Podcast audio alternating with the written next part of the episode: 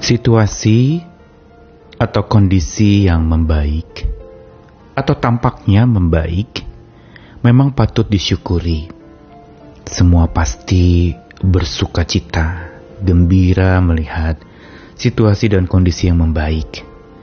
Atau orang yang tadinya sakit menjadi lebih sehat, membaik keadaannya.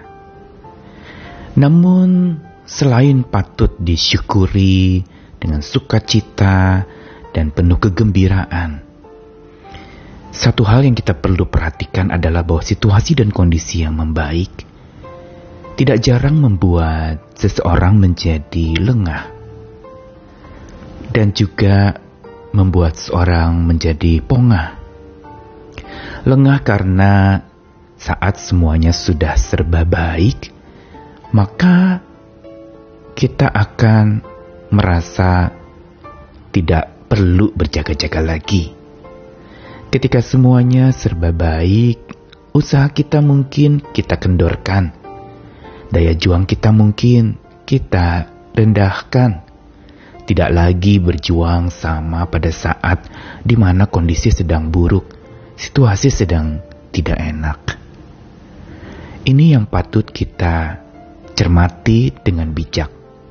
Dan pola pikir keimanan kita harusnya melihat dua sisi, bukan saja mensyukuri situasi dan kondisi yang membaik, tetapi juga perlu mewaspadainya, supaya situasi dan kondisi yang membaik itu tidak membuat kita menjadi gegabah, menjadi lengah dan pongah. Karena situasi dan kondisi yang membaik harusnya memang tidak mengurangi waspada kita. Kita perlu dan harus terus-menerus apa pun keadaannya untuk tetap waspada. Saya Nikolas Kurniawan kembali menemani di dalam Sabda Tuhan. Hari ini dari dua bagian Sabda Tuhan dari Perjanjian Lama di Yeremia 14 ayat 13 sampai 16. Lalu aku berkata, "Aduh Tuhan Allah, Bukankah para nabi telah berkata kepada mereka kamu tidak akan mengalami perang dan kelaparan tidak akan menimpa kamu? Tapi aku akan memberikan kepada kamu damai sejahtera yang mantap di tempat ini. Jawab Tuhan kepadaku, para nabi itu bernubuat palsu demi namaku. Aku tidak mengutus mereka, tidak memerintahkan mereka dan tidak berfirman pada mereka. Mereka menubuatkan kepadamu penglihatan bohong, ramalan kosong, dan tipu rekaan hatinya sendiri. Sebab itu beginilah firman Tuhan mengenai para nabi yang bernubuat demi namaku, padahal aku tidak mengutus mereka, dan yang berkata perang dan kelaparan tak akan menimpa negeri ini. Para nabi itu sendiri akan habis mati oleh perang dan kelaparan.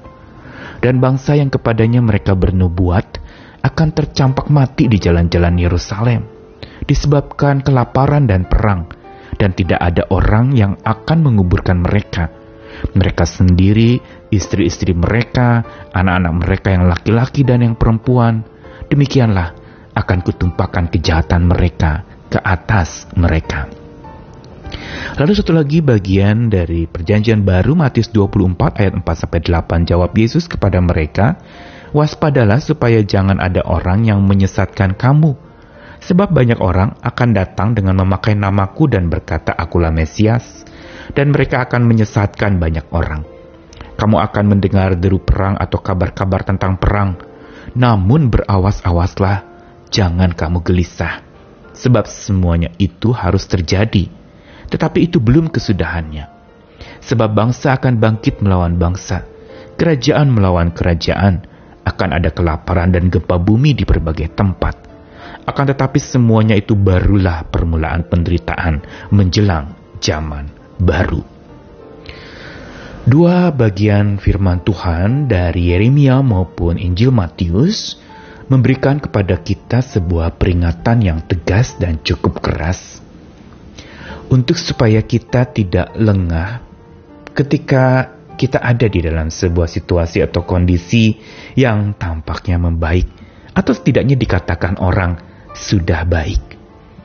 Inilah yang dialami oleh orang-orang Israel di dalam kitab Yeremia. Mereka mendapat berita bahwa tidak akan mengalami perang dan tidak akan ditimpa kelaparan. Bahkan akan ada damai sejahtera yang mantap disediakan buat mereka. Tetapi Tuhan justru mengingatkan bahwa itu adalah sesuatu yang palsu. Dinubuatkan oleh nabi-nabi palsu demi nama Tuhan. Tetapi perkataan mereka bohong. Ramalan mereka kosong dan itu hanya tipu rekaan hati sendiri. Karena itu Tuhan mengatakan bahwa mereka nabi-nabi yang palsu itu justru akan ditimpa peperangan dan kelaparan, bahkan akan mati oleh keduanya. Kejahatan akan tertumpah atas mereka karena mereka berkata sesuatu yang membuat seseorang menjadi lengah, membuat seseorang merasa baik-baik saja padahal sedang tidak baik-baik saja. Begitu pula apa yang Yesus ingatkan di dalam Matius pasal 24. Yesus mengatakan, waspada supaya jangan ada orang yang menyesatkan kamu. Ada orang yang datang memakai nama Tuhan dan berkata Mesias, dan mereka akan menyesatkan banyak orang.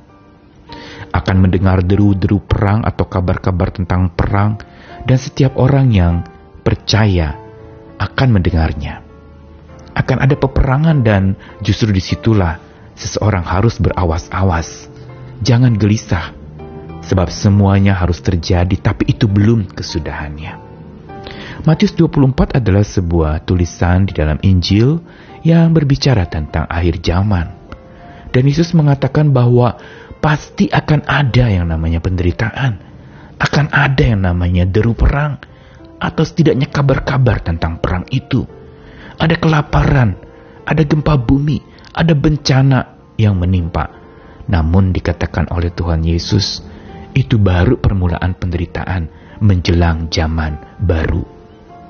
Dan apa yang terjadi itu masih belum kesudahannya. Tak ada satu orang pun yang tahu kesudahan bumi ini. Begitu pula tidak ada seorang pun yang tahu kesudahan hidupnya. Apa yang Tuhan ingin katakan lewat sabda Tuhan hari ini dari Yeremia maupun Injil Matius adalah untuk supaya kita tidak henti berwaspada, tidak henti untuk berjaga-jaga. Situasi dan kondisi membaik atau yang tampaknya membaik harusnya tidak mengurangi waspada kita untuk selalu buka wawasan, melihat ke kanan ke kiri secara nyata realita yang kita hadapi, peperangan, kesulitan, kesengsaraan, itu tidak akan habis-habisnya ada di sekitar dan sekeliling kita.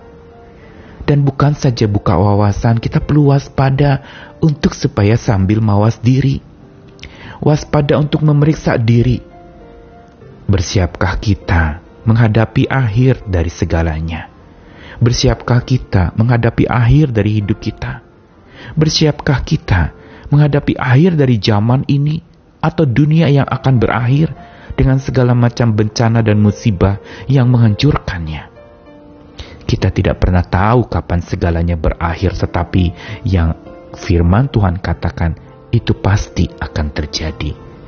Karena itu, dengan kepastian bahwa akhir dari segalanya itu akan terjadi walaupun kita tidak tahu kapan, kita harus tetap waspada. Karena itu berdoa dan berjaga-jagalah Persis seperti pesan Yesus kepada murid-muridnya sebelum dia meninggalkan dunia ini. Berdoa dan berjaga-jagalah. Itu pekerjaan kita sebagai orang percaya di masa-masa sekarang ini. Bagaimanapun keadaannya. Entah itu membaik atau itu memburuk, itu semuanya tidak boleh mengurangi kewaspadaan kita. Tuhan mengasihi dan memampukan kita untuk senantiasa hidup berwaspada berjaga-jaga, tetap siaga, dan mawas diri di hadapan Tuhan. Selamat berjuang lagi, Tuhan mengasihi dan menyertai kita senantiasa. Amin.